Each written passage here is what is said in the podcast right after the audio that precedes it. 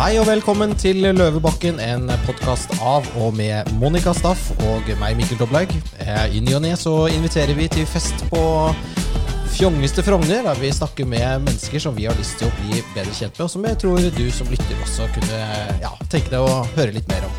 Og i dag så har vi fått besøk av eh, medieprofil og personlighet eh, som er kanskje kjent fra TV 2, driver med litt bøker, driver med faktisk litt politikk og sånn òg. Arve Juritzen. Det blir en forrykende time med, med, med mye tullprat og kanskje litt alvor også. Men eh, Monica, eh, du er her, eh, kledd i mørk Chanel som vanlig. Har det skjedd noe spennende siden sist? Altså, det er jo fryktelig spennende tider, Mikkel. Det er en børs som er i fritt fall. Og du vet, i går morges så sto jo Trygve og Jonas, våre gode venner, på blåfargeverket i Modum. og Ja, Merkelig hvorfor valg var av de sted. der? Det var et merkelig sted å ha Det blir helt pussig. Og der altså, når jeg de å prate med en gang. så venter jeg blir interessert. Alle skjønner jo hvorfor de er der. Ikke sant? Hvis du skal gjemme deg Det finnes ikke noe bedre sted å gjemme seg enn på Modum. Ja, for ingen gidder å dra dit klokken åtte om morgenen. og Nei, på for- er ikke, er ikke, ja. det- Modum bad, er ikke det rett Jo, det- ved? Ja. Nå må du være forsiktig, men altså, det er jo langt inn i skogen. Ja. Og det er veldig fint. Jeg elsker Modum eh, blåfarverket, men altså, det er jo klart, hvis du drar dit, så har du jo et budskap du ønsker å skjule. Har du noe glad å komme med, så står de på Karl Johan. Du drakk ikke til blåfarverk og Modum hvis du virkelig tenker at nå får vi velgere, nå blir det gøy. Så, stusset Unnskyld at jeg blander meg inn med en gang. nei, det men altså, dette kan ikke være, kan ikke bare være stå imotsagt. Det er, um, dette er PR-strategi, vet du. Ja. Fordi Og det kan du alt om, Arve. Ja, de bomma jo en, en litt. For når du virkelig skal hjem med budskapet ditt, så skal du ha pressekonferanse klokka fire på en fredag. Da er det ingen som er det kommer, ingen som kommer. Hvis du i tillegg har Modum og fredag klokka fire, så hadde sikkert ingen fått med seg dette. Så de bomma på en dag. Der var de litt klønete. Ja. Ja.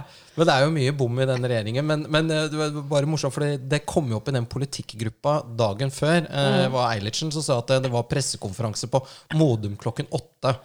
Og den fikk jeg på kvelden og tenkte hva, hva i all verden er det som skjer? Da tenkte jeg kanskje at de skulle ut av regjering. Ja. At det, Det- liksom det var trodde jeg også. Smygefjert. Liksom. Jeg tenkte at det er liksom Senterpartiet som nå går ut, ikke sant? ja, det var det på. Modum. Har du ikke fått med at denne, denne regjeringen er for folk flest? Og folk flest står opp klokka åtte. Så det, er- dere må ikke ligge og dra dere lenger. Dere skal være med Jeg som folk flest. Jeg Så må måtte dere stå opp. på Altså. vekkerklokken ja, altså, Ja, det. for å få med meg dette her. Åtte er lunsj for meg, vet du, med de nye greiene jeg holder Ja. på med. Mikkel har begynt med et nytt regime, og jeg får sånn når jeg våkner da og jeg, er altså jeg faktisk oppe stort sett klokken syv, tro det eller ei. Mm. Og da får jeg sånne der snaps. Da har han vært oppe i to timer, gått på mølla eller trappedusteopplegget du har nede i kjelleren her. Ja. Ja, jeg står opp. Altså, du driver med sånn trening og sånn? Ja, fra halv Hvorfor må fem. folk gjøre det sånn halv fem? Jeg vet ikke. Det er, er det liksom? det Er er sinnssykt. Ja, det er jo så vondt da, at du liksom må være bevisstløs. Liksom, at du tenker at jeg gjør det mens jeg sover, så drømmer jeg at jeg gjør det. liksom. Ja, ja, du husker ikke at du har gjort det. Nei, men det- Kom med en forklaring. da. Hvorfor gjør du det Det er for å få mer ut av dagen, for å, for, men da legger man seg ni, da. Men poenget er at det er bare, dagen det er bare dritt på jo, det er dritt ikke noe ut av kvelden. Nei, men Jeg er ikke interessert i hva som skjer etter klokka ni på TV. Du er jo det er bare sånn Nei, på TV? Er det, fins jo andre ting enn TV, og det burde ikke jeg si, men det har jeg oppdaget. Det, ja, det er interessant. Ja, det, det skjer jo altså, Jeg er litt sånn koronaskadet, da, så jeg gjør jo ingenting eh, på hverdagene etter klokka ni uansett. Er det en av senskadene på koronaen? Ja, det tror jeg. Hva, nå. Altså. Altså, jeg, hva skal man gjøre klokka ni på torsdag, da? Du kan gå ned i kjelleren og løpe, så slipper du å stå opp så tidlig. Ja. Helt, gjør mye helt bedre. enig. Normal- Eller du kan gå rett mennesker. ned i gaten her til Enoteka og se om det er noen damer der, f.eks. Ja, det kunne jeg gjort. Du tror liksom at det skal komme penger og damer sånn. og ringe på her. Nei, det gjør det ikke. Han, du skjønner, han, han, er, han er på markedet. Han skal ha seg en dame. Han skal dame, ja. Han skal Ja, ha arvinger til det gardsbruket sitt oppe på Vinstra. altså, det er jo mye som leveres på døra der, Monica, så det må vel kunne ordne ordne nå ble seg. jeg veldig utlevert her, føler jeg. Jeg angrer litt på at vi fikk han gjesten her, jeg. Det er ikke min skyld. Jeg har ikke snakket med deg. Det er du som begynte å fortelle at Det er Monica selvfølgelig som røper hemmelighetene dine. Dere angrer altså. Jeg har ingen hemmeligheter, bare så det er sagt. Ja. Nei, det er, det er ingen her som har noen hemmeligheter. Nei. håper jeg. jeg. Når jeg kom hjem fra arbeidet i går, nei, forgårs, eh, ut på Kavringen brygge der jeg bor, Ja. uh, så står det en liten nisse med ryggsekk. Og du vet det er sånn veldig moderne ringesystem hvor du trykker på sånn piltaster så går liksom for å finne riktig navn. Da. Ja, ja, ja. Du skal, når du skal ringe på Dette fikk ikke den mannen fikk ikke dette til. Nei. Eh, og så sier jeg 'Hvem er det du skal til?' Og så sier han 'Ja, nei, det, det skal vel egentlig stå Dal på ringeklokken, men jeg skal til Nikolai', sier han. Nikolai Dahl, da. Nikolai Tangen. Ah, Han bor jo to etasjer over meg ikke sant, i blokka nå. Vet alle hvor han bor. Sånn, er, nå er, og han er inkognito. Sikkerheten røyk der. Sikkerheten Ja. røyk akkurat der. Så, og han lille, og han lille nisse, nissemannen med vet Du vet hva som står på ringeklokka. Veldig bra, Monica. Der ble PSTs budsjett må økes med noen millioner der. Går det an å spole tilbake her, eller? Og så, og så han som, får- ri- ah, han får han også besøk av nisser. Det syns jeg er veldig skummelt. Ja, Vet du hvem det var, eller? Nei. nei. Knut Kjær. Ja. Tidligere oljefondsjef før Ja, Hans ja, ja. Lyngstad. ja. Så nå har de krisemøte nå. Så tenkte jeg at det er litt ille når du må innkalle han som var der for tre ganger siden, Mm. for å spørre om råd. Men var dette før regjeringen samlet på Modum? Ja, kvelden før. Ja, ja, ja. Spre litt om det, da. Ja. Har du ikke noen sånn mulighet til å høre høre hva som skjer i etasjen oppover? Og så kødder jeg med han når vi kommer inn i heisen, ikke sant? for jeg vet jo selvfølgelig hvilken etasje Tangen bor i. Ja. Og så sier jeg du må trykke på ikke sant? En, en, en annen. Fem. Ja. Og så sier han ja, men jeg tror, jeg tror det var en sånn og sånn etasje. Og så sier jeg nei, det, ja, du får, vi får se, da. Så. Men du, når du kommer opp til Nicolai, så må du hilse han så masse fra Monica. Oi, oi, oi. Ja, det er, Ja, Du er jo på markedet, du òg. Jeg, jeg er på markedet, vet du. Og vi har en beef gående, skjønner du, Nicolai og meg. For han skulle jo egentlig kjøpe leiligheten min, og så skulle han ikke kjøpe den allikevel. Altså, jeg er også på markedet, men jeg kjenner nå at jeg er overhodet ikke desperat når jeg hører på dere. Jeg er jo helt rolig. Jeg er jo ingen desperasjon i meg i det hele tatt. Men lykke til, da. Ja, ja, ja, det. Men du, ja, Arve. eh, Det går noe Arve og jeg er i hvert fall ute etter uh, mannfolk, begge to. Ja, nettopp. Så da er jeg i mindretall. Du er i mindretall her. Jeg er i mindretall her. Men eh, Arve, du Alle hørte hvor stille jeg var akkurat nå. uh, um, jo, politikk det, altså, vi, vi kjenner jo deg som uh, TV, medie, um, forlegger, altså type mediebransjen.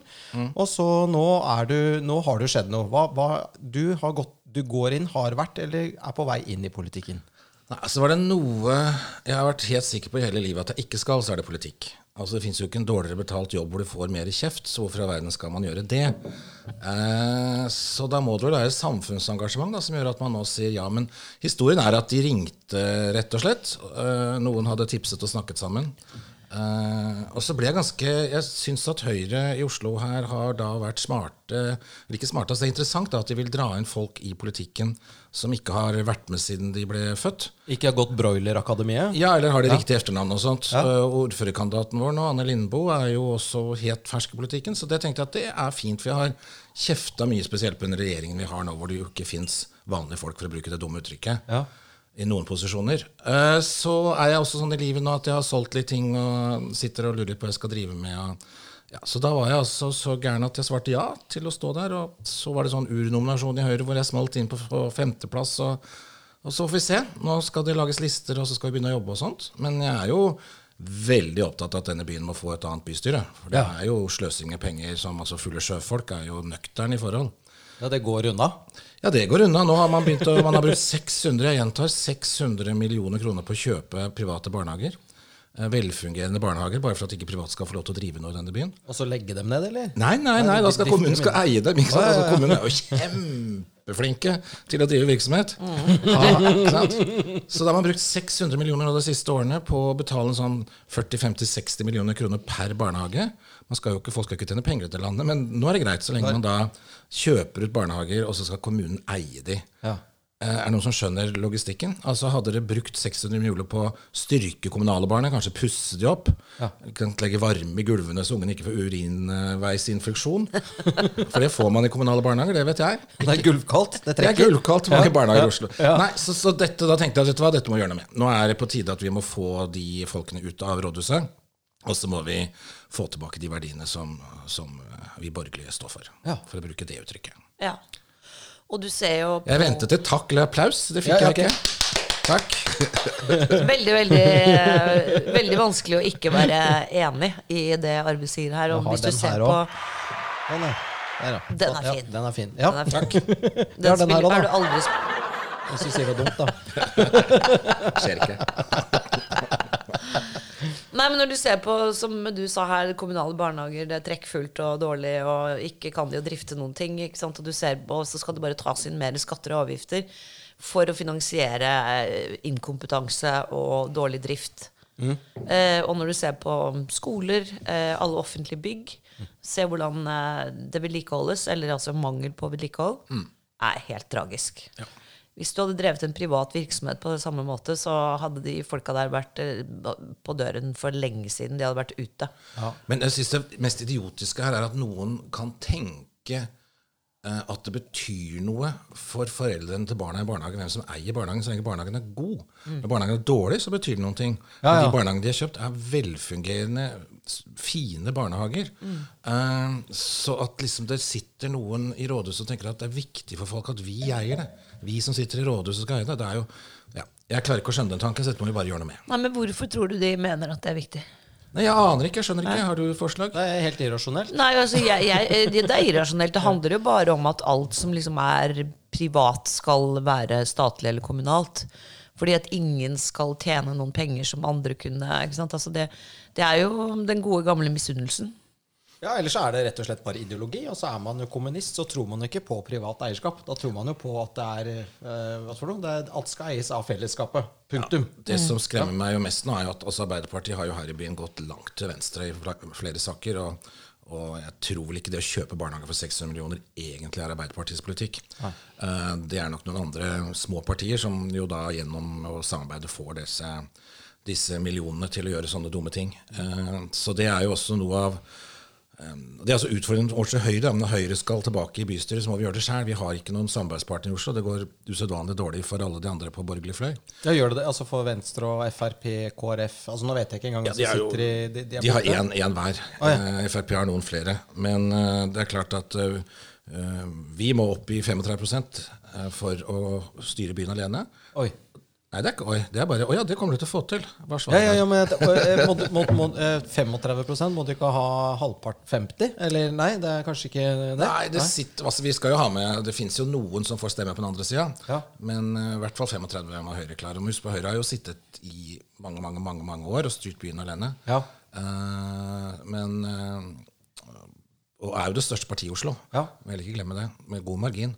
Så, så må vi bare få det på plass, og så må vi da tenke at nå skal jeg bidra, da. Ja, for at jeg har noen venner som Jeg føler bare at nå er det nok, liksom. At det er ja. Har du, Jeg har noen venner som jobber på et annet prosjekt. Da. De vil jo ha Vestre Aker ut av Oslo og inn i Bærum. det har jo vært på, det har jo vært på, på tapetet i mange, mange år. Ja, ja, De vil bare liksom ved Solli plass setter de strek, og så det blir Bærum. Og så kan eh, Oslo hva, Som Høyre-politiker, hva tenker du om det forslaget? Jeg tenker at Bærum har styrt av Høyre godt i mange mange år, eh, så der er det fint å være. Men nei, vi må jo beholde Ingen eiendomsskatt heller. Nei, det skal vi ikke ha i Oslo. Da. Altså, det er jo Ja. fire og et halvt sekund etter vi tar over rådhuset, så skal den bort. Ja. Men grunnen er jo... Skrøt litt mye der nå, gi oss et par minutter, men det er klart at det, eiendomsskatten må bort. Og Raymond har jo nå foreslått også arveavgift. Det er jo ikke egentlig byen som bestemmer, men eh, han syns jo at det er greit også. Slik at ingen Arveavgift bare i Oslo, liksom. ja, så ingen da av de som har eh, vært flinke og spart sammen et hus i flere generasjoner, skal få lov til å beholde det lenger. Men, men er ikke det Ja, også litt det- en Ja, sorry. Nei, og Det de ikke forstår når det gjelder arveavgift, det at du eh, gjennom et liv da, opparbeider deg kanskje det at du har nedbetalt lånet på huset ditt, og så skal da når barna skal arve dette huset, så skal det faktisk ikke skje. Fordi dette er da, da plutselig tilhører dette også fellesskapet. Så tenker jeg, hvilket incitament har du da til å gjøre noe som helst, hvis ikke det er for å jobbe for deg selv, din familie, og at dine barn skal overta noe og komme litt bedre ut av det Ja, enn du selv det. hadde det, for, for eksempel. Da, ikke sant? Men det bringer oss også inn på kanskje Altså, altså, jeg tenker at de tar bort alt initiativ. Nei, ikke alt, men, eh, men poenget er Jo, hvis de skal ha en radikal arveavgift, så gjør de det. på at ideologien vi snakker om her, er jo ikke å skape penger, det er å bruke penger. Og å fordele penger. De har jo ikke skjønt at noen faktisk må tjene disse pengene. Skal man dra inn nye skatter som Modum-showet nå fant på, ikke sant? Ja. Så, så er det altså noe som må tjene dem. Nå kan du si at laksenæringen har tjent penger så det skvulper. Eh, og det kan godt være riktig også at eh, man ikke skal få lov til å bruke et område av havet gratis. Eh, Det er sikkert bra at mange andre skatter. Nå så jeg Dagens Næringsliv i dag hadde et regnestykke hvor de mente at det kanskje faktisk kunne gå i pluss. Fordi, fordi at du droner noen avgifter, og den, eh, hva skal jeg si, det man byr da, for å ha dette området, kommer til å gå ned nå som verdien går ned. DN er jo på lag med den gjengen der. Ja, det Kaller seg næringslivsavis, men det er Nå skulle det vært TV her, for da hadde vi sett at Monica ble litt stram i munnen. Jeg sier det. Litt stram i munnen, Monica, når jeg sier det igjen. Men ja, Men det kan godt, men, men, eh, men hovedsaken er jo at det må skapes penger. Altså Det blir ingen verdier hvis vi ikke noen jobber uh, og selger ting og lager ting og tjener ting. Uh, vi kan ikke bare bevilge oss. Og Det også er jo noe som må, må renskes opp i denne byen her, i Oslo. At vi må få ned administrasjon. Altså Det går for mye penger til folk som flytter papirer. Vi må kunne flytte de billigere og enklere. Mm. Altså på venstresiden så er jo økonomien et nullsumspill. Så at hvis du blir rikere, så må jeg bli fattigere. Altså det er en sånn type, De forstår ikke at du kan faktisk reises til å skape noe som ikke var der før. Og Morten Sjakenda, og han dessverre er ikke med oss lenger, for han ble syk og dårlig, men han som startet bakeri i Lom, han var jo, snakket med han eh, om natten og lærte å lage brød. Han, han var jo på venstresiden helt til han begynte for seg selv. Og det, han hadde gjort noen refleksjoner om at alle ville spise kake, men ingen ville bake den. Så, så hans eh, måte stand på dette var at han gikk fra å være godt ut på venstresiden til å bli ja, høyremann, kan du si, da, eh, ved å på en måte forstå det at eh, alle, alle snakker bare om hvordan denne kaken skal fordeles, men det er ingen som har lyst til å faktisk jobbe og lage kake. da. og det er også sånn vi ser nå den litt større debatten med de rike og slemme og som flytter til Sveits. vi, vi, er, vi lever jo litt rare tider nå, for det er jo ganske mange som ikke mm, er helt komfortable med denne her at man skal ta de rike. Altså Nå, nå, nå har vi kommet inn på en sånn type retorikk som eh, så ligner veldig på den man hadde på 20- og 30-tallet, da man skulle ta en gruppe i samfunnet som var visstnok veldig rike, og, og, og, og som Tenker på jødene. ja, f.eks. for eksempel. Altså, man skal ta en gruppe mennesker som har, som liksom har stjålet eh, fra fellesskapet. For det er jo det det Det er ikke snakk om at de har skapt noe eller bygget noe. De har stjålet. Eller hvor mye skatt de har betalt, eller hvor mye inntekt altså Mm. hvor mange jobber de har skapt. Ja. Det er klart, altså Hvis vi ikke i Norge kan ha personer som Røkke, kan mene mye rart om han, men hvis vi ikke kan ha folk som tør å satse alt de eier og har, eh, for å skape arbeidsplasser, ja, hva skal vi drive med da? Nei, klippe hår Ja, vet ikke. Og- Jobbe i kommunen. Jobbe i kommunen, ja, ja. Ja, ta, ta, en, ta en som Kjell Inge Røkke. Ikke sant? Altså, han har hele sitt liv jobbet og, og, og fikk jo beskjed av sin lærer på, på ungdomsskolen at det nok ikke ble no, noen ting av han. Kanskje det satte fyr i ræva på han. jeg vet ikke, Han har i hvert fall jobbet og jobbet og jobbet. og ikke sant? Han kunne ha sluttet med det for lenge siden hvis han bare ville leve av rikdommen sin og pengene sine.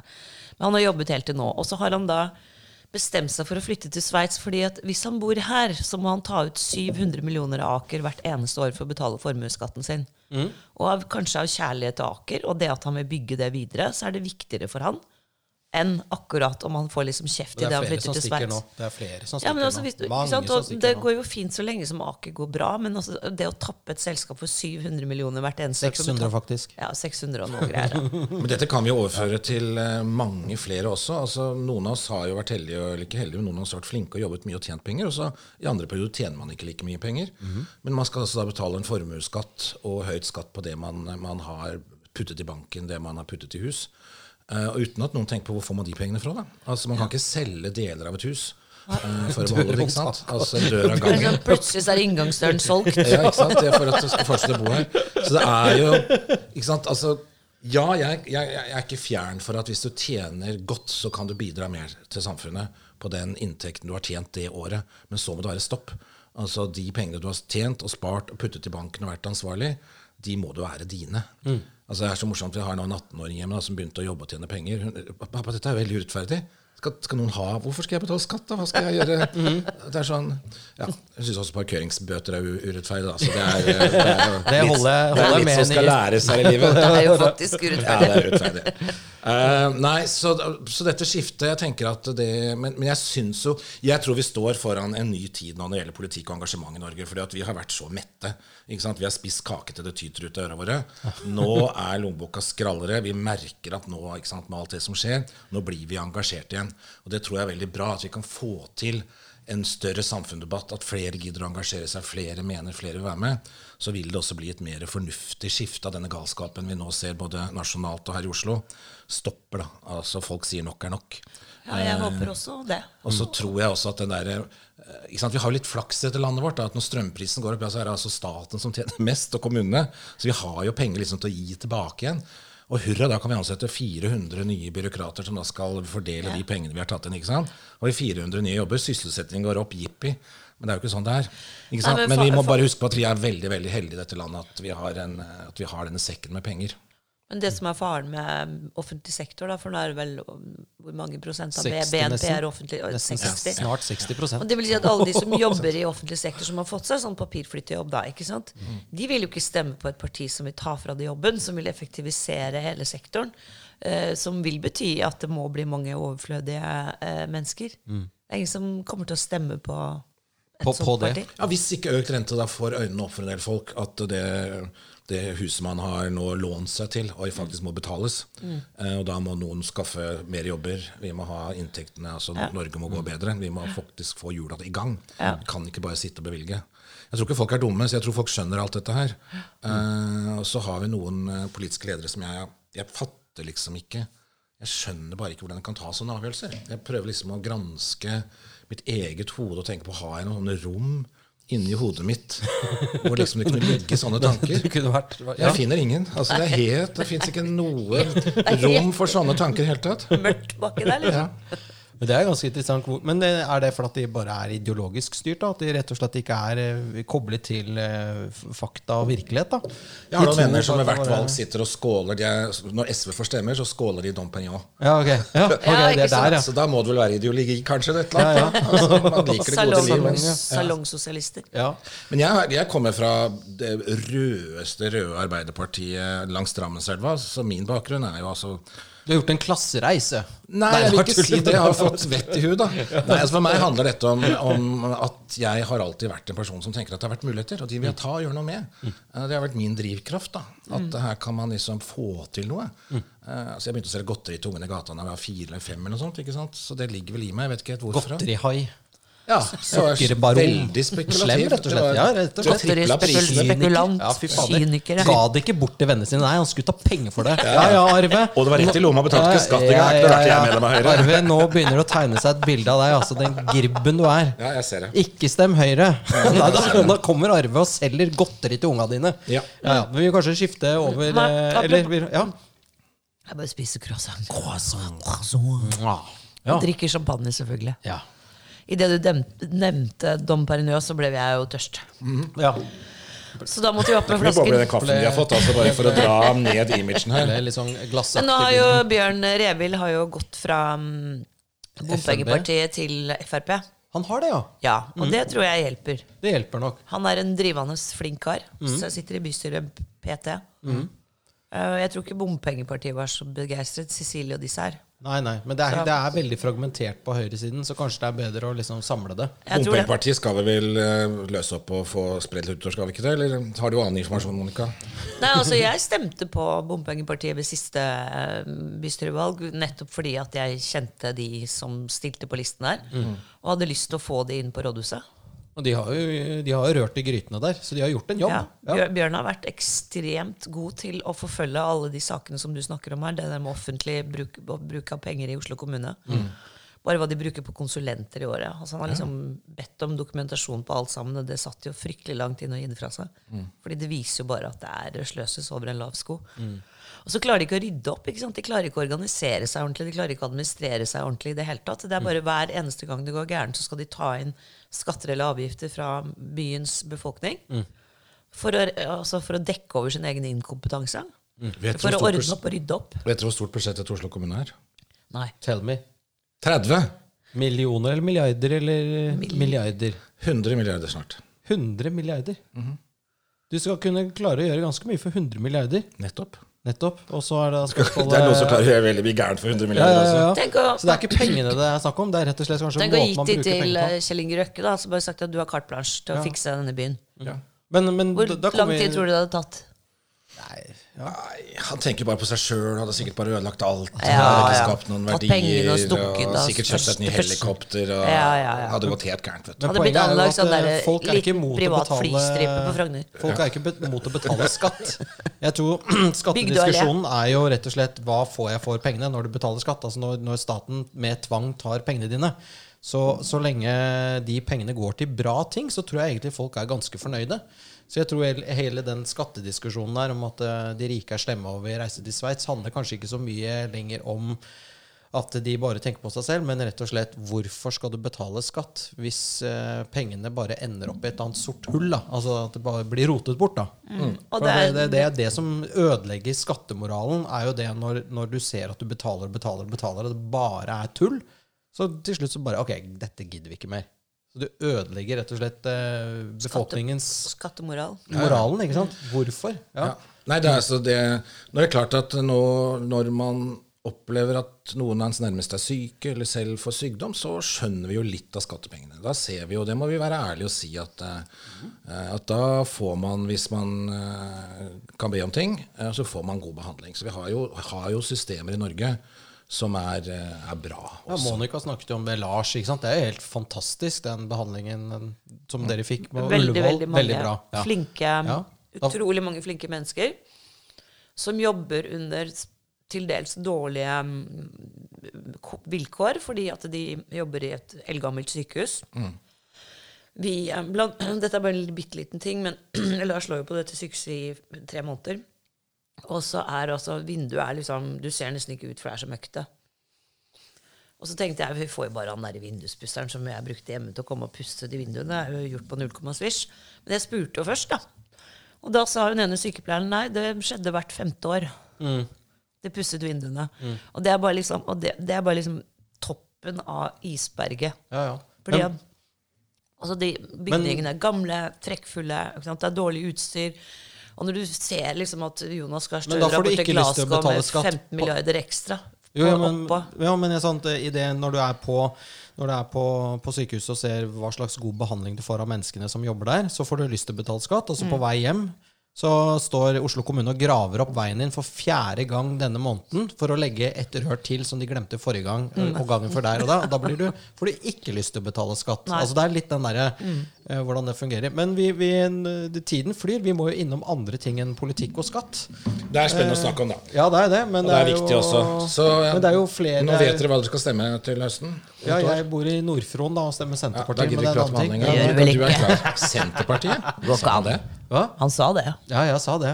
Eh, Du er jo det medlem- er ikke du medlem av Senterpartiet? Jeg er medlem òg, men det er jo jeg Altså, bor, skjønner du? skjønner du, eller? Hva er det som har skjedd, da? vanskelig. altså, så står det klokka fem om morgenen og medlem av Senterpartiet. Det henger, det henger faktisk sammen. Det henger sammen. Nå skjønner vi det. Så nå er vi på Han har jo gardsbruk, vet du. Ja, ja, ja. Så det er der det kommer inn. og nå er Det jeg på det er det 3,9, så nå er det jo veldig deilig, egentlig. For nå trenger vi ikke gjøre noen ting. Ja. Nei, altså jeg meldte meg jo ut Jeg har vært medlem av Høyre i mange mange, mange år, men jeg meldte meg ut eh, på den derre IS um, Kvinnesaken? Um, IS-kvinnesaken. Da fikk jeg nok. Ja. Men det var nasjonalt. Kan ikke jeg verve deg lokalt igjen? Kanskje Det var et du- ja. Ja, det var et ja, det. Jeg syns jo Høyre der, så var Ja, rett altså, jeg synes jo Høyre, Høyre nasjonalt eh, er en katastrofe. Ja, det er kanskje De Men jo- lokalt kan det jo fungere. Lokalt kan det sikkert fungere. Kanskje. Arve blir uh... Det er, ingen, altså, det er ingen tvil om at jeg ønsker et skifte av bystyre i Oslo. Det er det ikke noe tvil om. For jeg er helt enig med deg. Det er også helt katastrofe, det de holder på med. mm. Men da, må jo du, da kan jo du lage croissant og servere champagne i Frognerparken og verve medlemmer. Ja, det kunne jeg kanskje gjort. Men syns ikke du at jeg har gjort, uh, tatt en for laget Du har tatt allerede? en for laget for veldig mange ganger, Ja. så um, kanskje vi bare skal være Jeg skal bli sånn som alle de andre. Jeg skal bare tenke på meg selv. Ja, det skal jeg også. Mm. Vi skal bli egotripp, vi nå. Hører dere hvor stille jeg var? Jeg lot dere holde på. La dem spise kake og prate. Ja, ja. Feitere og Men, feitere. eh, ja, men dette er jo viktig, i og med at folk nå kanskje skal stemme på deg, Arve, så må de jo vite litt mer om deg enn at du bare har vært på TV 2. Ja. Så vi må jo høre litt mer om, eh, om, om, om, om Oi, Hørte du? jeg hørte det. Er det mer kaffe? Eller Ja, det, er masse hvis vi mer skal snakke om meg, så må jeg ha mye kaffe. Mye det er helt klart. Så, eh, så, så hvor, hvor skal vi begynne? Nei, jeg er født, eller hadde mine første sko i det utrolig velkjente, berømte stedet Pukerud. Pukerud eller Pukerud? Pjuk, Pjukerud. Prøv den på engelsk, du. Ja, Som du gjorde. puke. Ja, ja. Where are you from? Puke. Puke. Nei, Pukerud ligger Det har stoppet toget en gang i gamle dager. Nostalgi. Nå ligger det mellom Drammen og Mjøndalen. Så jeg er vokst opp i naboens drivhus, gartneri. Derfor spiser jeg ikke jordbær og ikke tomater og ikke agurk, for det var jo traume etter å ha gått og plukket i alle år. Altså, det er ikke fordi måten de blir dyrket på, det er mer at du måtte plukke. Ja, altså hvis du har vært For jeg er veldig glad i tomater. nemlig. Hvis du har vært i et agurkhus, så har du jo det en kaktus. Så du har jo da sånne små pinner i fingeren hele sommeren. Så går du inn i tomathuset, og tomatplantene er jo dødsseige, så da har du hår som er en tugge hele livet. Hele sommeren. Så dette er eh, Ja, altså, men tomatene har det helt fint. Det er ikke noe galt med de, altså. Så de er bare å kose seg videre. Du kan spise dem, altså. Og hvis du har begynt å luke en jordbæråker i den ene enden og vet at du skal gjennom hele den åkeren til andre enden og så begynne på nytt igjen, ja, så er det en del ting du ikke tenker at det er jeg ferdig med. Så men ellers så har jeg det bra. Så- ja. Dette var mens du solgte godteri til barna i gaten. Uh, dette var da uh, delt, jeg først godteri til Barna i gaten og så landbruksarbeider. ja. Ja. Det var vel mer eh, lukrativt med godteri til gata, tror jeg. Men, ja. nei, så, så avanserte jeg til å bli torvkone på Drammen. Den gangen man sto og solgte faktisk grønnsakene på et torg. Ja, det er kult. Og der lærte jeg business fordi eh, Drammen vet dere, hadde noen av de første arbeidsinnvandrerne som kom. eh, for å fylle industrien der. Og de var jo vant til å prute når de gikk på markedet. Så vi måtte jo da, når vi så noen som kom, som kom derfra La meg passe ordene mine, jeg tror jeg klarte det bra. Veldig bra. Eh, Så satte vi opp prisen på gulrøtter, dobla dem, og så pruta vi oss nedover til den vanlige norske prisen. Ja, det høres veldig bra ut. Så der lærte jeg å forhandle og, og Nei, tuller ikke engang. Det var kjempefin Gikk opp med 50% altså. Ja, ja, ja, det er helt klart. Og så var, måtte det bare passe på at det ikke sto noen andre nasjonaliteter ved siden av. Jeg hørte den prisen, så sånn, sånn lærte jeg å forhandle. Det er kulturforskjeller Ja. Det er i Men vi praksis. tilpasset oss. Ja, vi tilpasset oss. Veldig bra. Ja. Og etter å ha vært torgekone, så, så Jeg kan takke hele min karriere uh, pga. fotballen. Okay. Uh, det fins ingen i hele verden som har prøvd å sparke så mye fotball som jeg har gjort, og ikke fått det til. For når jeg vokste opp uh, på den alderen på 70-tallet, så var MIF, altså Mjøndalen og Strømsko, så var én og to i fotballen. Og var liksom der alt skjedde. Det var før Brann og Rosenborg og sånt. Ja. Så alle mine kom kompiser alle sparket fotball, og jeg fikk det bare, virkelig bare ikke til. Så hadde jeg en gymlærer som het Egil. Dette viser jo hvor viktig det er med lærere. Som kommer bort og sa vet du hva, dette er ikke noe hyggelig. Du har alltid sistevalg. Det er ikke noe hyggelig for de som får deg på lag, og det er ikke hyggelig for deg heller. Det er ikke hyggelig for de som får deg på laget, for å si sånn. Nei, og ikke noe hyggelig for deg heller. Vil du lage skoleavis? Ja. Ja, det vil jeg. Jeg vil lage skoleavis. Så sa han her er nøkkelen. Det er et rom, jeg har ikke tid til å vise det, men der er en sånn kopimaskin og alt du trenger, og letrasett fra opp. Stensilmaskin. Ja, ja. Stensilmaskin og sånn. Saks og lim Så du får bare ja. finne ut av dette selv. Og så gjorde jeg det da i gymtimen og lagde skoleavis. Og alt jeg har gjort etter i livet mitt, på en måte springer ut fra den læreren som så meg ga den sjansen. Wow. Nå var det ikke så lenge den skoleavisa. Den het Veianøkken, forresten. Dette var Veiavangen oppe der ved Herman Wildenberg bodde. Men den, den, jeg tror jeg lagde fire eller fem nummer, så ble jeg sensurert og stengt ned av rektor. Da ble det cancelled. Ja, det var eh, Jeg hadde en, en leder som heter Lærerbrifer, og så hadde jeg funnet og stjålet en tegning av en utrolig stygg dame som var prikk lik rektor. Eh, Og så skrev jeg da en veldig indignert leder om hvorfor grusomt det var at vi barna måtte stå ute om vinteren i friminuttene. Den gangen var det jo 30 kuldegrader, mens lærerne satt inn og mesket seg med kaffe. Og styggest og fælest var jo rektor, selvfølgelig, og da ble jeg lagt ned. Men da var jeg blod på tann, så da gikk jeg rett videre i Drammens Tidende og jobbet der fra jeg var 14 år. Og sånt. Så jeg sluttet skolen da jeg var 17. Så jeg har ikke noe, Oi. har ikke noe utdannelse etter det. Nei. Nei. Eh, har jeg- Livets harde skole. Nei, livets spennende skole. Ja, dette er noe av det, Nå skal vi ikke snakke politikken, dette er noe av den skolepolitikken jeg er opptatt av. Mm. Eh, Høyre er jo ledende på skolepolitikk, men vi mangler kanskje et lite vers på visa når det gjelder de som ikke passer inn i skolen. fordi at hvis du, ikke sant, På skolen nå er det jo hvis du er dyslektiker Jeg er dyslektiker, datteren min er det, så vi har jobbet mye med dette. Uh, og når du da ikke pass, eller når du ikke er flink til matte og norsk, så er det masse ressurser i skolen. ikke sant? Det kommer inn ekstra timer og hjelpelærer og ikke sant? alt mulig rart. Men det eneste tilbudet er er du dårlig i matte, ja, så skal du ha mer matte. Er du dårlig i norsk, så får du mer norsk. Du skal på en måte være lik alle andre og klare det. Ja. Uh, men mange sitter jo og sliter med sånn som jeg på skolen, at bare whish, whish, føyk forbi. Ja. Ikke sant? Som dere merker, så er ikke jeg noe god til å sitte stille og lytte. Så jeg syns liksom læresituasjonen var helt håpløs. Og da mangler vi jo nå noe for de eh, ungdoms- og videregående-elevene som rett og slett ikke passer til å sitte stille og lære. Eh, og de skal ikke ha mer matte, de skal ikke ha mer norsk. Og skal ikke gå på skolen hver dag og stange huet i veggen og på en måte bare skal gjøre mer av det man ikke kan. Tenk om vi voksne gikk på jobb hver dag, og det eneste vi skulle, vi skulle gjøre og få hjelp til, var ting vi ikke kan. Ja. Så vi må ha noen alternativer som ligger utenfor skolen. Altså, Raymond opplever dette her hver dag. Det var litt dårlig å spøke bort en del ganske viktige, Nei, det- viktige ståsted her. For det, det er veldig mange barn som ikke passer inn i den, Ja. den tradisjonelle sitte-stille-skolen. Eh, og de må få noe annet tilbud enn uh, andre muligheter enn å bare stange huet i veggen. Helt riktig. En psykiater jeg kjenner, han har snakket mye om dette. Vi har snakket mye om det, for han sier at før så var de som hadde um, lærevansker, om det så var dysleksi eller ADHD eller så kunne man ofte, i hvert fall de barna som hadde ADHD, som da har mye energi, men ikke liksom klarer å kanalisere det på, de, liksom på matte og norsk, de kunne gå en enkel vei og bli håndverkere. Ikke sant? For å bruke, bruke seg både med energi og, og mm, annen kompetanse. Mens nå må du ha um, Du må ha eh, examinat, som het i gamle dager. Du må ha allmennfag, eh, allmennfaglig studiekompetanse for å bli snekker. Ja. Så du må gjennom de tre årene. Du må ha ha Du engelsk, må du må ha norsk. Altså du, og det, det har ødelagt så mye for akkurat de barna du Ja, det fins noen, noen andre veier rundt eh, for å komme inn der også, men alle skal jo ikke bli snekkere. For eksempel, det, er, det er masse sånne forskjellige ting, hjelpetiltak, men det er litt, sånn, det er litt gammeldags. For eksempel, Entreprenørskap har jo ikke noe med hvor god du er i matte eller noe sånt å gjøre. Helt, det handler om du er kreativ. Eh, det var litt personlig, Min datter er for eksempel råflink til å selge. Hvor har hun det fra? uh, så hun driver nå nettbutikk isteden. ikke sant? Eh, og har fått litt hjelp av meg der, men ikke sant? er det hennes talent? Så jeg tror ikke hun har blitt noen god snekker, men altså hun er god til å selge. Så det gjelder jo da å se de elevene som en ressurs, ikke som et problem, sånn som det er nå. Eh, ressurs, hva er det du kan? Hva har du lyst til? Hva vil Ja. du gjøre? Det er en ung, ung jente som eh, Dette er noen år siden som var sånn Jeg vet ikke hva er ferdig med, liksom snart ferdig med videregående, hva hun skulle bli. Så jeg, men hva er det du er flink til, da? Det, har du liksom noen egenskaper? Er det noe du er skikkelig flink til?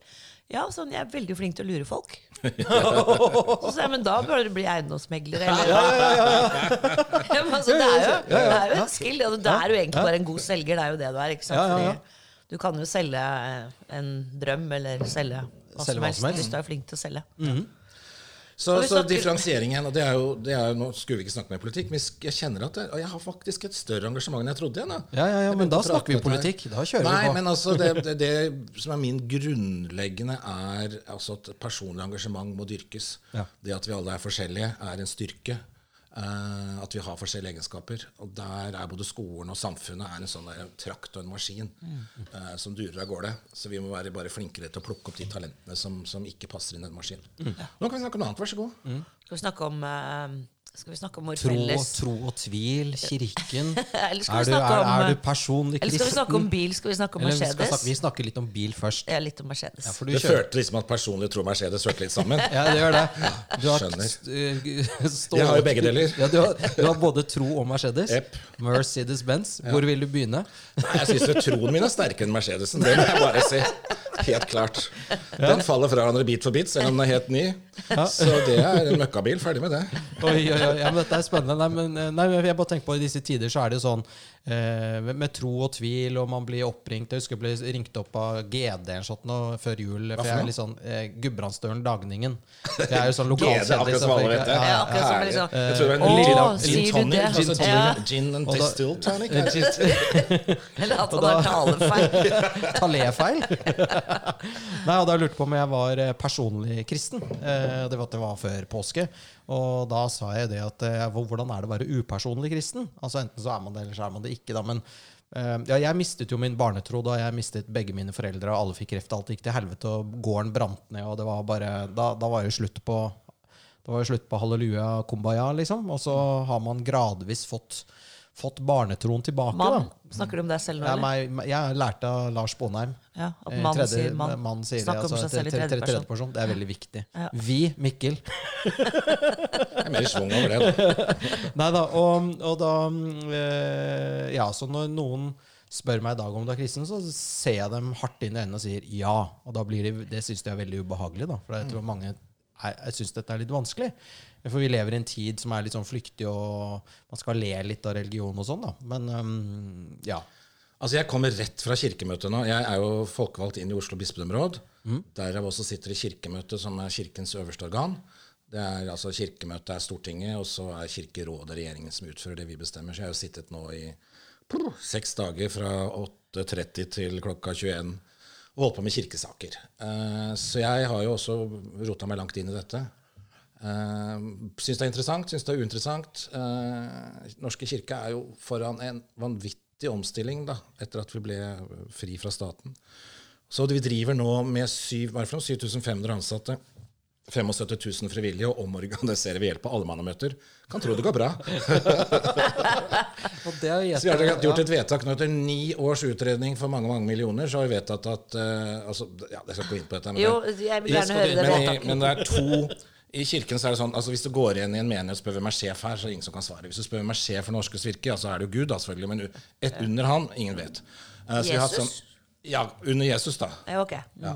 Uh, så har det vært to arbeidslinjer, veldig komplisert. Og vi, da, det er veldig forvirrende, fordi at altså, man jobber i en bitte liten bedrift som er en menighet, og det er liksom to linjer som ansatte. Bare rot. Så vi har nå i ni år utredet dette, og skulle da vedta noe nytt på dette møtet nå. Og etter ni år så har vi vedtatt at vi, gjør, vi blir ikke enige om noe annet enn det vi har hatt. Så Etter ni år. Etter ni så er vi år. tilbake igjen til start. Jepp. Uh, dette er herlig. det Dette høres ut som politikk.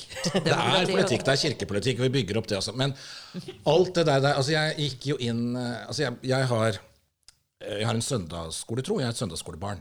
Eh, og en eller annen merkelig hun husker alle søndagsskolesangene og sånt. Det sitter liksom i meg som et sånt anker. Og så ønsket jeg å gi datteren min det samme ankeret, så får hun bruke det til hva hun ville eller. Så vi gikk inn i Skøyen kirke, som ligger rett ved oss, og, og ble tatt supert imot. Og man er jo nervøs. ikke sant? Man kommer med sin ballast. altså Jeg har min legning, og datteren min er født ved hjelp av surrogati, så, så det kunne jo være noen som rynket på nesa, men det var bare superfint. Og så ble jeg dratt inn, da spurte meg, og så var vi da på noe som heter Familietirsdag, som er liksom nåtidens søndagsskole. hvor Familien spiser sammen, og så går barna for undervisning på en tirsdag. Søndag har man jo ikke tid. Eh, veldig fint og vellykket. Eh, og så ble jeg spurt om å, å sitte i menighetsråd. og tenkte ja, det er ikke dumt. Da kanskje jeg kom litt nærmere Den hellige ånd og Gud og troen min. Det der har jeg lyst til å utfordre. Har noen tatt større feil noen gang? Nei. Altså Et menighetsråd handler om å skifte lyspærer og vaske gulvet og, og liksom skue lyspærer og ja. Så, Er det ikke en liten andakt når du starter en gang? Eh, jo, en liten andakt, og så litt til vår ved slutten. Eh, så, så det gjør vi også på, på bispedømmet. Men, men jeg er nå der, eh, og syns at det er eh, For meg har det vært veldig lærerikt å sitte i bispedømmerådet, fordi at som, som privat entreprenør og gründer så bestemmer jeg jo ting på mandag, så planlegger vi på tirsdag, så er vi ferdig på onsdag. Det funker ikke helt sånn i, i kirkedemokratiet. Kommer vel heller ikke til å funke helt sånn i politikken, så jeg har jo lært litt tålmodighet og hvordan man skal jobbe litt. da. Ja, må smøre deg med tålmod. Det er der jeg faller av lasset. Ja, jeg vet ikke helt hvor jeg får den tålmodigheten fra, men den, jeg begynner vel å skjønne at det er noen andre måter å jobbe på. da. Ja, altså, Men jeg sliter med det. altså. Jeg syns det er eh, Sånn som nå Da jeg satt i menighetsrådet, så, så er jo jeg, jeg ble jo helt frustrert fordi vi pratet og pratet og pratet. Men da fikk jeg beskjed om at diskusjon for diskusjonens skyld er nyttig. det er nyttig, ja. Ja, det er viktig og nyttig. For jeg tenkte sånn, men for meg er det helt uviktig og unyttig, for altså en diskusjon skal jo lede fram til en handling. Det var det jeg også liksom. trodde. Ja, men uh, Du Ja, tror, ikke ta, sant? ta en avgjørelse. For at det, er bare, det er bare sånn skvalder. Altså Bare sitte og prate, liksom. Nei, men altså, Vi kan jo sitte her vi tre og så skal vi bli enige om om vi skal kjøpe ny Mercedes eller ikke. Men vi hadde ikke det skal vi ikke ha. liksom- Det er vi enige om allerede, så debatten er over. Nedstemt, ja. ja. Den er nedstemt før vi Det er begynte. ikke noe, det er ikke noe debatt. Det er ikke noe debatt, da. Det Vedtaket er gjort. Vedtak, ja. Nei, men, men jeg, i Hva tenker dere her, Når du sier at du har en tro, hva bruker du den til? Eh, ja, jeg bruker den til å tenke gjennom For meg så handler det rett og slett om, om eh, verdiene. Om å, om å Tro på kjærlighet. ja, ja, altså rett og slett prøve bare å være et bra menneske, da. Ja. Uh, Og jeg liker det budskapet med å tilgi. Det har jeg blitt mye flinkere til. Jeg var ikke så veldig flink til før. Nå er jeg blitt veldig mye flinkere til å, bare, å gå videre.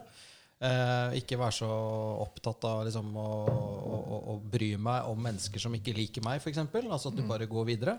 At alle kan gjøre dumme ting. For det skjer jo hele tiden. Og jeg gjør dumme ting, og alle gjør dumme ting. Og så får man liksom bare trekke på skuldrene. Eh, så jeg tenker liksom Det er de tingene kanskje i, i kristendommen jeg eh, lener meg litt på. Og nå tror jeg kanskje ikke at det sitter en mann oppå en sky øh, og, og ser oss og sånn, men det er mer den øh, at det er en lang kraft, negativ og positiv energi. Du, det du bruker positiv energien på, det, det blir det mer av. Syns det var et veldig fint svar. Ja. En fin måte å bruke tro på. Ja. Tror du, Monica? Eh, jeg er jo, Vi snakket om dette faktisk litt tidligere i dag, Mikkel og jeg. Og jeg sa jeg er eh, kulturkristen. Hva betyr det, da? Ja, det betyr at eh, jeg er jo oppvokst i Jeg har også gått på søndagsskole. Uh, og jeg husker også alt fra den søndagsskolen. Og det var viktig å få de fiskene i garn og stjerne. Og? og jeg var på gråten hver eneste gang vi skulle på søndagsskole. For Bente, min, min tante, som bare er to år eldre enn meg, jeg skulle gå sammen med henne. Og hun var alltid forsinket. Og jeg hatet jo å komme for sent. Var redd for fisken? Jeg var redd for fisken. Og Zakarias og hele Og flanellograf hadde vi, ja. Flanellograf, Hva er det for noe? Åh, det oh. jo det. Har du ikke vært opplevd flanellograf? Nei, hva er, er det flanellograf for noe? Dette var Så det er en tavle med stoff, og så har du da figurer i stoff som, du liksom, ikke sant, som en slags borrelåseffekt. Wow. Så kan du sette opp uh, og Ja, du kan sette opp uh, Jesus og, Wow. og de tre vise menn. Flanellograf? Flanellograf, ja. Wow, det har jeg aldri hørt om. Da jeg gikk på søndag, skulle jeg noe av det, og det Jeg var så liten, så rart jeg husker alt dette, men det har gjort inntrykk. Noe av det mest spennende var om Jesus falt i gulvet eller ikke.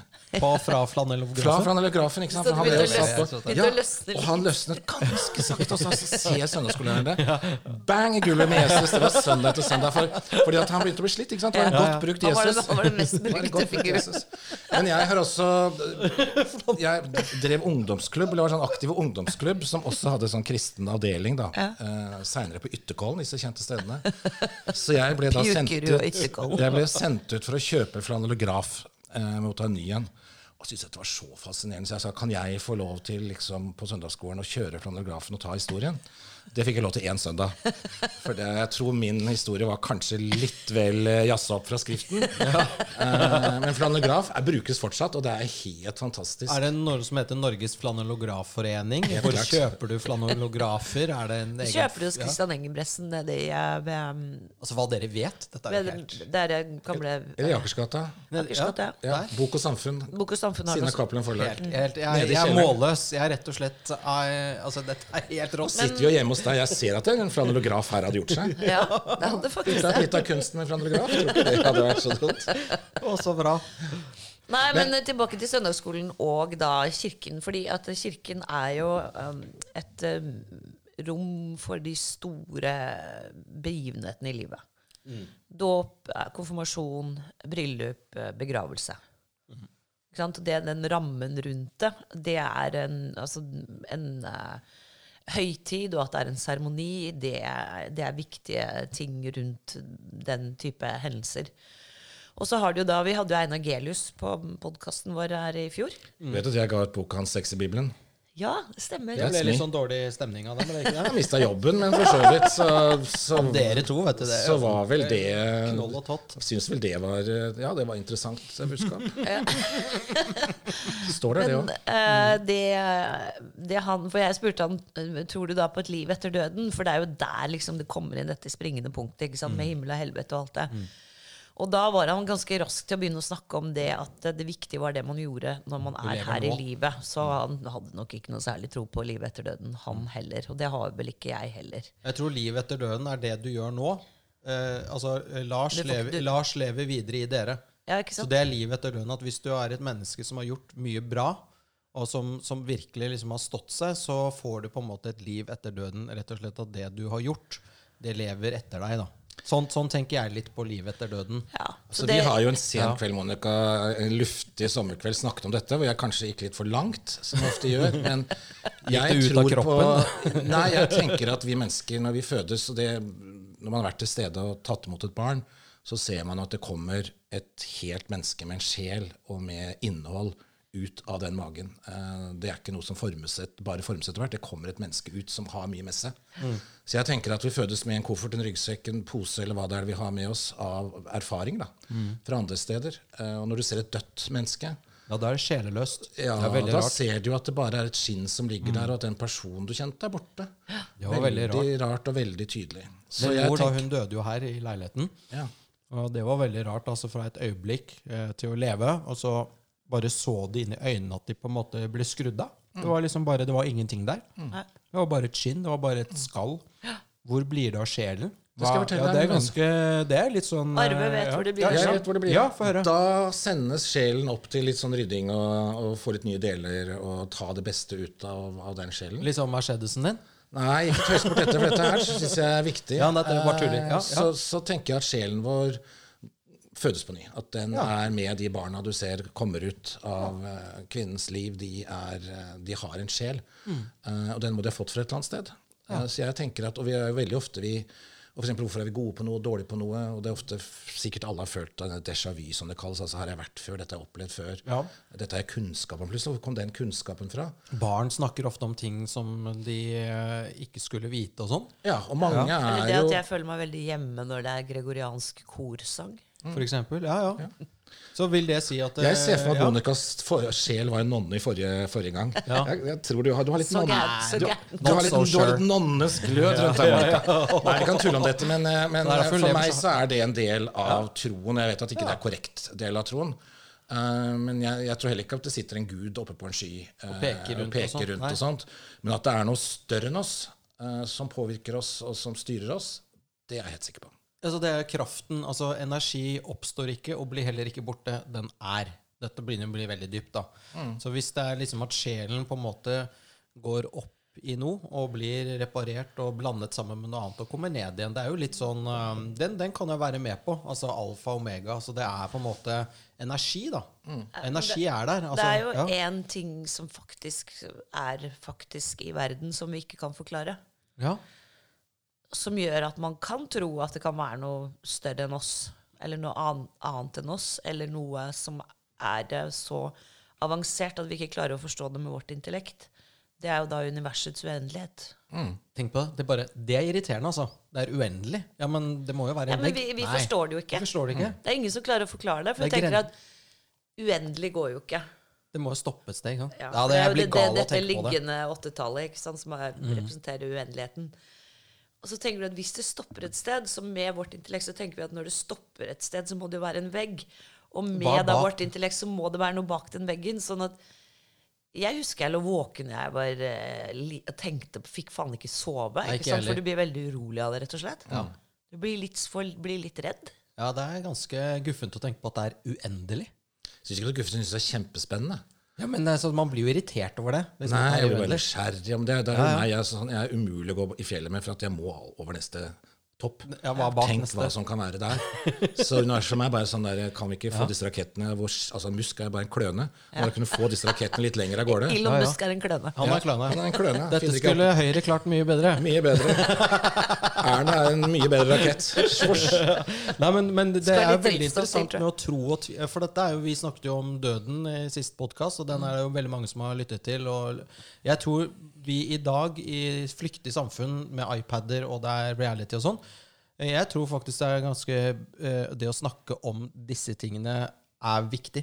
Eh, rett Altså, vi er jo berørt av det absolutt alle sammen. Dette er, jo, dette er jo det som er inni hjertene våre. Vi skal alle mot den siste dagen, og vi har, skjønner at man har dårlig tid. Så dette er jo klart dette er veldig viktige ting. Ja. Og så har jeg lyst til å si én ting bare for at det er sagt når det gjelder religion, for jeg er så møkka lei av å måtte forklare det. For da sier alle å, hvis du tror på en gud, hvordan kan det være så mye elendighet i verden? Men Gud gjorde jo en skikkelig bommert uh, da han skapte verden og i egen, Edens hage, ga oss fri vilje. Så det er jo svaret på hvordan kan Gud la det skje. Jo, han stolte så mye på oss at han ga oss fri vilje. Det For har folk vi jo, er det kjipe. og det har vi rot, og det har vi rota skikkelig til med. Så Ja. der gjorde det jo bomma Gud litt, da. Ja, Han skulle ikke gitt oss fri vilje. Ja. Da hadde det vært Edens hage. Ja. Kunne vi tassa rundt og hatt det fint, kanskje. Slippet å tenke på Vært noen roboter. at verden er uendelig og universet og alt det der. Ja. Nei da, vi får være glad det er som det er, tenker jeg. Men, eh, men eh, nei, jeg syns det er veldig spennende å snakke om. Ja. Eh, Snakker dere om sånne ting i, i, i bisprådet? Overhodet ikke. Nei, det er bare lyspærer og Neida, det er, jeg sitter i komité A, så vi lager liturgien som Kirken skal bruke. Så vi har nå vedtatt ny påskeliturgi, så da snakker vi om disse tingene. det her Åh, har jeg nå merker jeg gleder meg til påske. Ja, jeg er ikke helt Nå sikker, for nå er det liksom- røkelse, Åh, yes! Ja, veldig bra. og det blir tillatt med fotvask. Veldig bra. For det var det her hadde jeg tenkt om høneplukke. For at det, det er noen Når disse gudstjenestene blir sånn stiliserte, så blir det jo Altså Jeg var sammen med en, en, en katolikk, eh, en dame i noen år, og vi var jo i kirken hver søndag. Jeg må jo si De, katol, de katolikkene har jo skjønt det. Det å dra i kirken er litt sånn høytid, og det er jo De kan lage show. Det er skikkelig show, og da er det jo faktisk litt hyggelig å gå i kirken. Istedenfor når det er, alt er sånn grått og Men det er klart de har noen kirkerom da, som gir noen rammer og noen følelser. Du trenger ikke ha en gudstjeneste der engang. Det er bare å gå inn. Jo, ja, så kjenner du jo generasjoner. litt, uh, opp, Det er aldri galt med røkelse. Eller det er faktisk ikke riktig når vi nå skal bestemme disse tingene. Hva må vi da ta hensyn til? Allergikere. Ja, selvfølgelig. Fins det røkel, allergi, allergifri røkelse? Ja, ja. Hvis noen vet om det, så trenger vi et tips, for det har vi ikke funnet ennå. Så gjerne ta kontakt med allergifri røkelse. Oi. Men går det ikke an å ha to, en, en gudstjeneste uten uh, En for- røkelse og en, en for- allergikere? Altså, nå bor du i Norge, og her er alt for alle. Ja, ja, ok, greit da Så da skal vi som ikke er allergiske for røkelse, vi skal ikke få oppleve det. For at én kan begynne å Nei, det, Det er som å sitte på flyet du fly og ikke få lov til å spise Peanøtter, det er det. det er Har du sittet der med peanøttposen din på fly og fått beskjed om. Hva med meg som liker peanøtter, liksom? Ja, du- Det har ikke jeg noen rettigheter?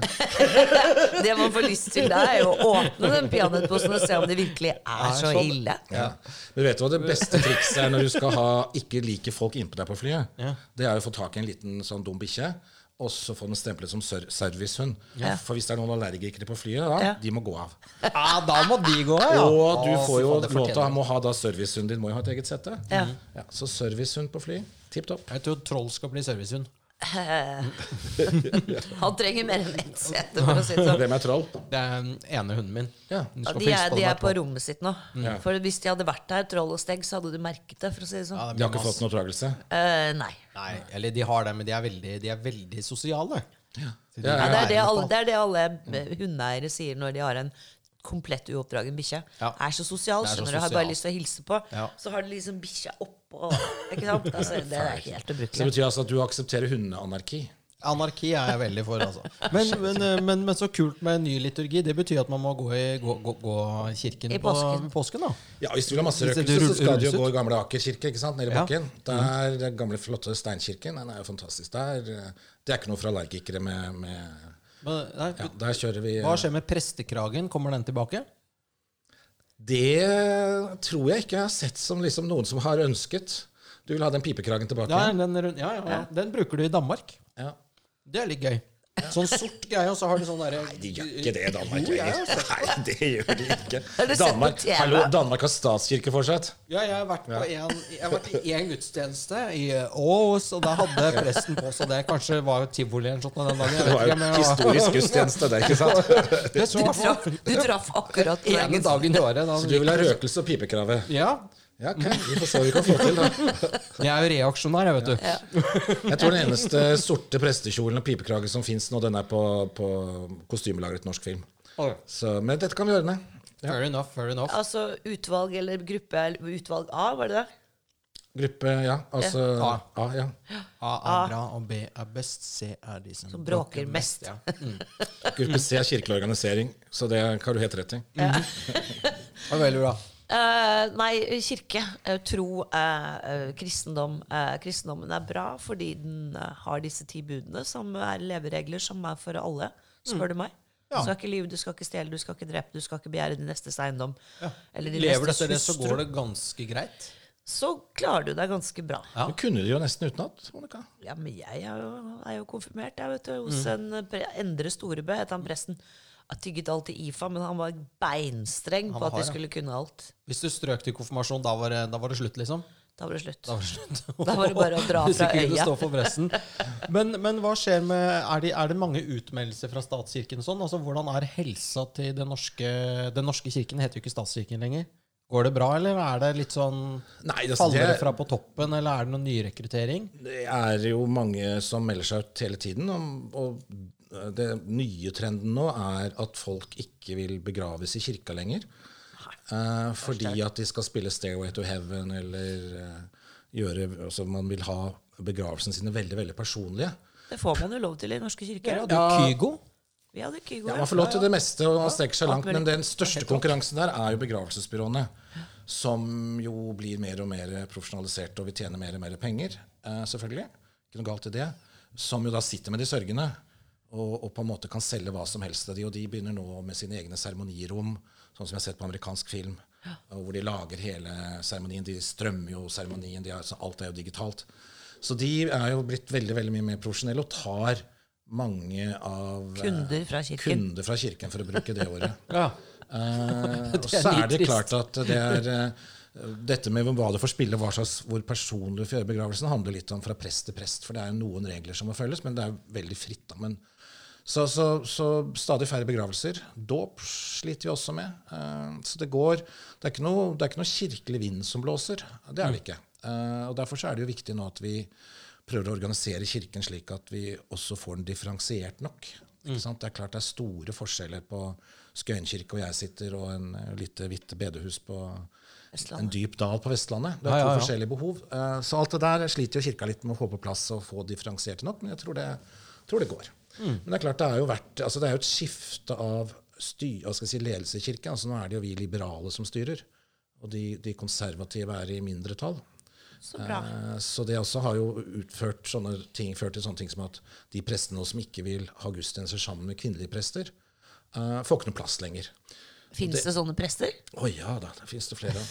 Ja, Eh, det de jeg var en- får ikke noe plass lenger. Men jeg er også da opptatt av at vi som nå er i flertall, vi skal behandle mindretallet bedre enn hvordan mindretallet beha- behandlet oss. Ja. For det er litt viktig. ikke sant? Er det plass til konservative i kirken? ikke sant?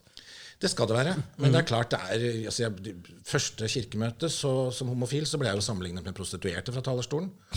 Det var samme, samme greia. Og, og i. Hvordan, dag hvordan, hvordan, hvordan klarte de det, liksom? Nei, det er altså prostituerte, homofile, altså narkomane. ikke sant, alle, Det ble ramset Synd. opp. Synden med store bokstaver. Og dette kirkemøtet så har vi en fast fyr som går opp og sprer eder og galle over alle. Svovelpredikant? eh, En sånn ekte svovelpredikant? Er Sånn som uh, Eivind Tredal?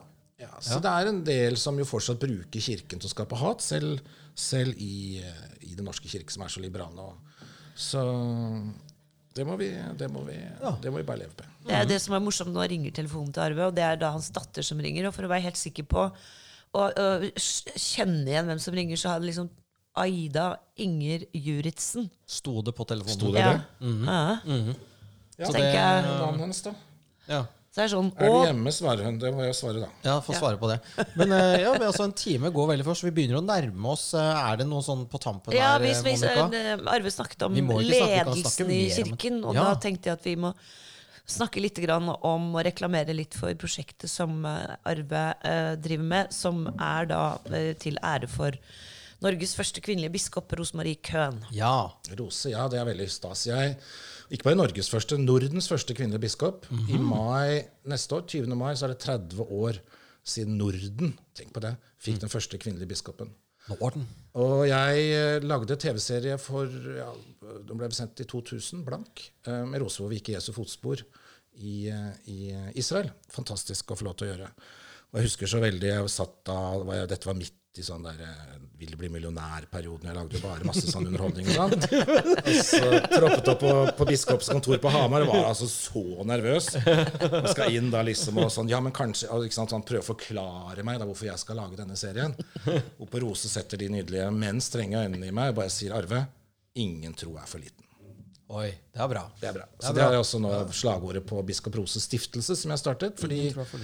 For noen år siden så skulle VG kåre Norges 100 viktigste kvinner, og der var ikke Rosa. da ble jeg forbanna. Jeg Ja, tenker? Ja.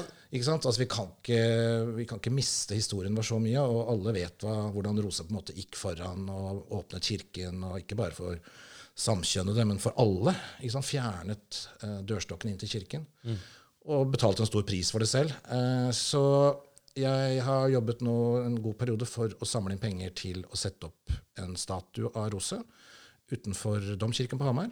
Den avduker vi nå på dagen 30 år etter neste Ja. år. Når, hvilken dag blir det, sånn sirkus? Lørdag 20. mai Lørdag 20. mai. 2023. Men vi 2023. Og mangler litt med å ta Hamar.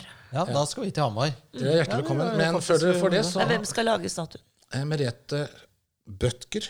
Ja. Hun har laget Nå glemte jeg mellomnavnet hennes. Merete, hun er på fornavn. Hun står langt inne i Sørkedalen og lager den nå. Snart ferdig.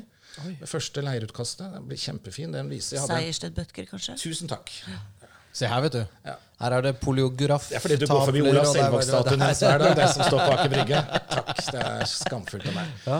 Jeg hadde en visjon om at vi skal ha en altså Rundt Hamar domkirke så er det byster av de tidligere eh, biskopene. Det går ikke lenger. Så jeg hadde en visjon om at Rose må komme ha forsert motbakken, stå på toppen av en bakke, skue utover flagrende bispekoppe. Ja. Og Merete er veldig veldig flink til å lage statuer i bevegelse. Og det får hun til denne gangen også. Det blir sånn superbishop. Nei, det Nei? blir bare veldig mye symbolikk som gjør at denne statuen er mer enn rose. Det skal handle om kvinnekraft, det skal handle om å, å gå opp bakken, at noen må gå foran. Det skal handle om kjærlig tro.